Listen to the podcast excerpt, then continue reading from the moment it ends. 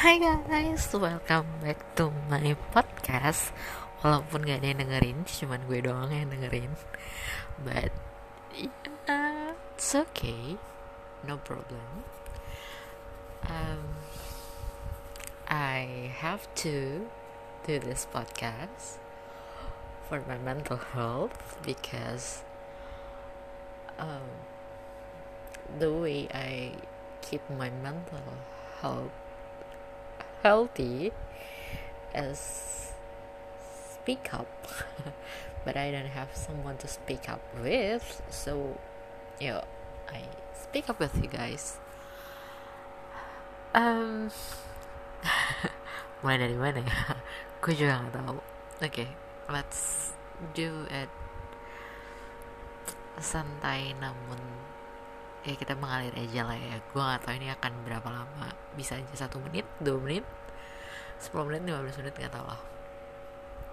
So basically gue mau cerita tentang last trip gue di 2020 my last trip in 2020 uh, gue tahu di tengah situasi pandemi banyak orang yang uh, menanyakan reasoning gue ataupun menyayangkan keputusan gue untuk um, ngejalanin trip ini stay trip um, tetap tetap ngejalanin trip gue yang terakhir kemarin. Tapi honestly after that trip after everything happened at that moment gue sama sekali tidak menyesal. I'm not regret at all. I'm very grateful. I'm very thankful. I'm very God I I swear it was very meaningful trip for me. Hmm. Gue tidak menyangka keputusan gue ke Jogja akan banyak mengubah perspektif gue tentang kehidupan akan banyak mengubah perspektif gue tentang diri gue sendiri gue tidak menyangka gue ke Jogja akan menjawab pertanyaan-pertanyaan hidup gue. Which is I have no idea before that. I have no expectation. I have no clues. I have no I I'm not thinking at all. Itu akan menjawab semuanya tapi as you know ketika lo nggak mengharapkan sesuatu ya yeah, something's good coming. So ya yeah, gue bersyukur sih gue tetap ke, teguh sama pendirian gue untuk ya stay ke sana gitu. Dan dengan pertimbangan segala resiko minus and plus gue menyiapkan diri gue sebisa mungkin se seprepare yang gue bisa. Lebih jauh lebih prepare dari biasanya bahkan.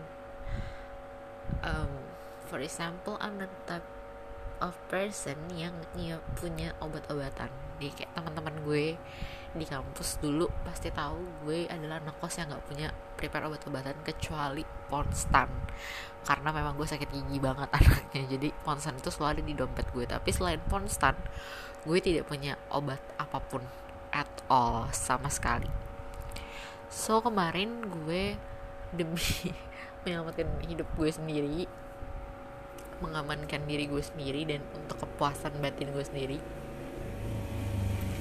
For the first time gue bener-bener jalan tuh yang menurut gue sih sudah cukup safety ya. Gue bawa disinfectant spray gue pakai sarung tangan gue bawa berbagai jenis obat berbagai jenis vitamin. Ya basically gue bukan tipe orang yang nyimpan obat jadi menurut gue gue bisa bawa obat sekotak kayak gitu tuh udah surprising banget sih surprise banget buat gue sendiri gitu maksudnya.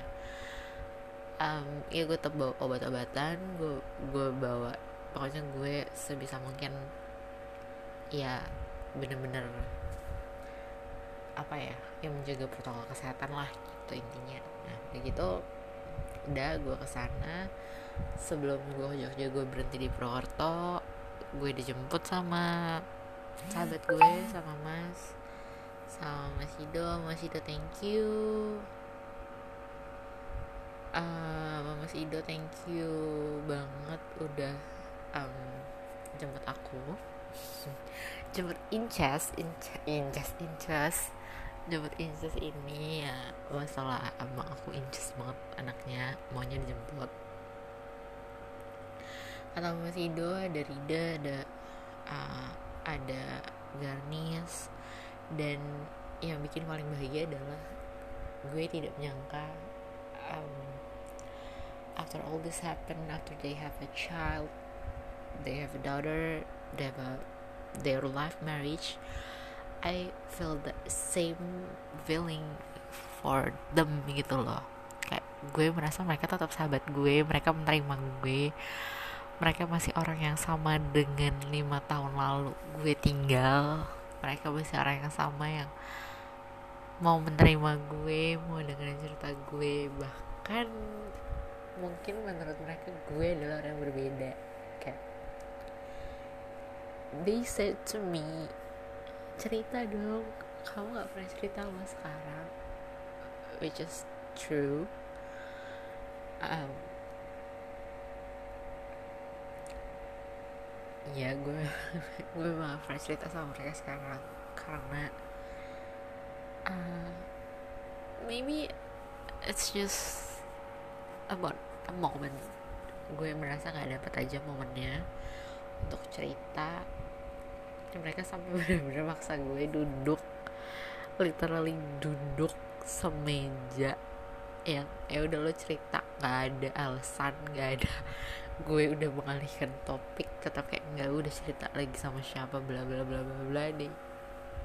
They want know about my life and that's a touch full for me. Touchy banget buat gue bahwa masih ada orang yang sebenarnya mau dengerin cerita gue. Sebenarnya nungguin gue cerita sebenarnya masih I'm sorry. it's gue terharu sih. Sebenarnya maksudnya masih ada orang yang gue tidak pernah menyalahkan orang-orang. Uh, atau gue tidak pernah bilang oh kok mereka nggak ada buat gue? No this is my decision to be alone. Itu memang keputusan gue untuk menyendiri untuk semakin mengurung diri gue sendiri. Tapi ternyata um, mengetahui ada orang yang mau tahu cerita gue atau ada ada orang yang mungkin gue cerita ada orang yang um, ngerasa gue berubah itu that's something for me. Itu priceless um, I wish they stay healthy. They always happy. Thank you mas. Thank you GTR because you know both of you very meaningful for me. You're very priceless. Sorry for not be your Eka anymore. But I'll try my best to try my best to stay with you, to always listen to your story, listen your problems or etc. I do my best, and I'll try to keep my story with you. Okay.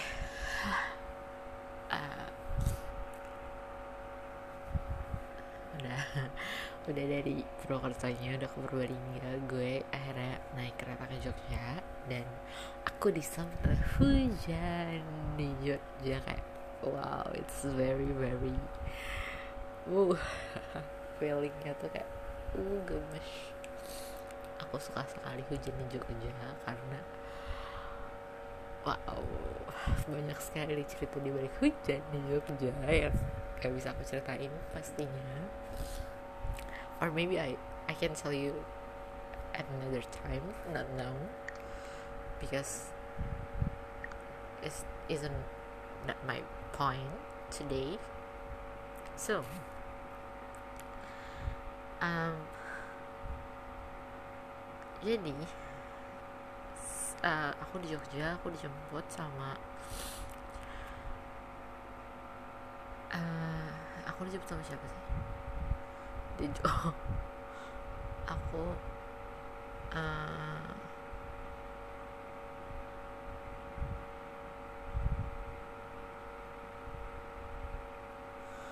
aku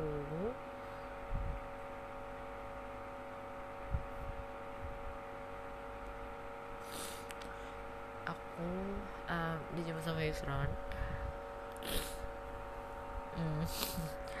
ya aku dijemput sama Yusron di tadinya mau ditunggu tapi akhirnya aku turun Lempayangan karena satu dan lain hal terus dianterin ke penginapan istirahat sebentar terus ke mie karena aku pengen makan mie ya Allah.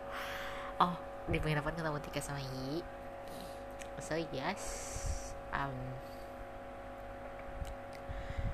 akhirnya ngobrol-ngobrol dulu sebentar habis maghrib baru ke mie gacoan terus di mie gacoan nyampe mie gacoan hujan dan nunggu lama banget.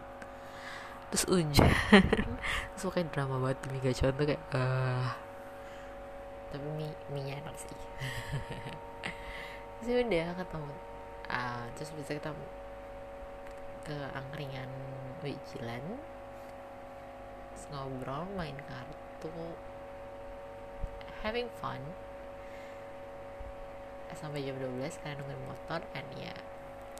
Eh, ya suruh ke rumahnya aku kayak penginapan sama Tika sama I dari situ aku sama Tika sama I masih muter-muter Jogja karena nyari pom bensin yang buka jam 12 malam. Buat orang Jogja pasti tau banget kalau nggak gampang cari pom yang buka jam segitu. Akhirnya kita dapet di Jakal bawah sebelahnya pizza utara pizza hut. Habis itu baru balik uh, niatnya paginya mau sarapan di kelotok tapi ya manusia yang bisa berencana Tuhan yang menentukan. Uh, akhirnya kita langsung ke Uncle Bro dan ke Mas Kobis. Di Uncle Bro so pasti aku ditemani Ade dijemput sama Ade Ca. Ya Allah Ade Ocha cintaku Hani Bani Swetiku yang aduh aku gak ngerti banget ya. Ade tuh orang paling baik banget. Aku nggak paham lagi dah. Terus udah deh. Sumpah gue kayak bosen deh cerita kalau kayak gitu ya. Ya ini di hari Sabtu gue ke sana. Terus ya udah um, malamnya gue kopi klotok dijemput Apit. Ya Allah ini lagi Apit tuh. Apit juga manusia paling baik yang gue tahu dia momonya. Ya Allah Apit maafin yang nggak tahu diri. Rumahnya Apit tuh di Sewon. Dia jemput gue dari Sewon ke Condong Catur. Terus naik ke kopi kelotok guys you have no idea how very kind of my friends. Jadi di kelotok temu temen gue satu lagi namanya Rudy. Terus ya udah dia bawa salak gue dikasih salak terus kita ngobrol-ngobrol. Ya pertemuan sama Rudy one of the surprise one of the surprise gift and my trip karena nggak pernah expect banget bisa ketemu Rudy sejujurnya. Yeah it's been five years without hang out with him so it's just surprise gitu surprise aja sih gitu um but yeah ya. Ya gitu. Ya gitu deh pokoknya. Um, terus setelahnya kita ketemu Tedian uh, di Solo. Ya udah dari Solo gue check in ke Porta. Ya udah having fun aja deh. Gitu deh pokoknya. Gue males ceritanya uh, terus hari terakhir Senin gue disamper sama Roma karena gue bete gue ngambek uh, oh ya yeah. someone someone told to me buat gue untuk jadi diri gue sendiri which is sebenarnya gue agak ragu sih orang-orang mau menerima gue kalau gue jadi diri gue sendiri karena gue ini aslinya clingy banget manja banget dan super annoying banget kayak I have to so I, I have to gitu. Gue nggak anaknya tuh apa ya ya parah lah pokoknya manja apa segala macam. Terus ya udah uh, gue ngambek sama Roma karena gue ke Klaten tapi dia nggak ada dia malah sepedahan gue bete gue bilang ya udah kamu nyamperin aku hari Senin. Ya menurut lo guys gue minta orang dari Klaten ke Jogja nyamperin gue ya tapi akhirnya karena gue adalah gue Injas ya udah Injas disamperin deh di Jogja sama Roma sama Dini sama Saka sama Mbak Im. So ya. Gitu deh. Uh, gue pulang. Oh, pastinya drama. Oh ya dong. Gue mau cerita soal adik lagi. Uh, jadi karena adik nggak bisa nemenin gue lama Sabtu Minggu tuh dia nggak sempat nemenin gue Senin sore dia balik kerja tuh langsung ke hotel nemenin gue yang mau kereta itu jam setengah delapan jam delapan malam. Dia nemenin gue ke hotel terus tiba-tiba pas lagi di hotel tuh dia bilang gini bun mau aku anterin gak naik mobil? Hah? dia sehat gitu kan? Ya udah deh akhirnya adek ganti motor ke mobil ada yang, ada yang nganterin aku sama Tika ke stasiun. Hah udah. Gitu. Ya udah. Hmm, habis itu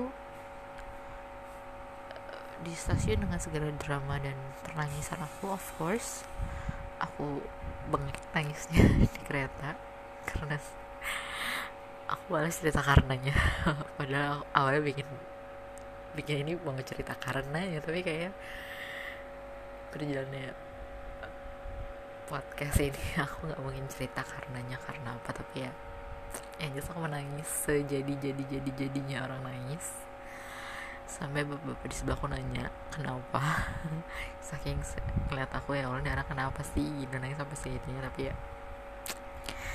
ya hmm, balik lagi kayak gue bilang tadi. I'm not regret anything at all I really appreciate and I'm really happy to make that decision to stay on my schedule. Schedule. Start my schedule and still have trip because yeah this trip make me change any perspective about life um love. Um proven even myself change my perspective about myself. Hmm, ya yeah. ah lupa satu lagi. Ada Arfan yang datang ke tempatku jam 12 malam setengah 12 baru datang. Dan Arfannya betah jadi baru pulang setengah 4 pagi which is besoknya aku harus ngumpul jam 8 pagi untuk ke Solo. Jadi aku cuma punya waktu tidur sekitar 3 jam. Dari jam 4 sampai jam 7 terus aku bangun terus mandi dan dan dan beres-beres. Ya begitulah. Tapi as you know I never get tired to back Jogja because there's the place I feel alive. I feel love to be loved to be appreciated. Um, ya yeah. banyak hal yang nggak bisa gue ungkapin kenapa gue tidak pernah menyesal atau tidak pernah capek atau tidak pernah bosan untuk kembali dan ya gue memutuskan untuk Jogja lagi Jogja lagi Jogja terus. Because I have a sentence. Being Eka in Jakarta it's never hard. Live life live life as Eka in Jakarta it's really not hard. It's easy easy peasy it's not hard at all. At all.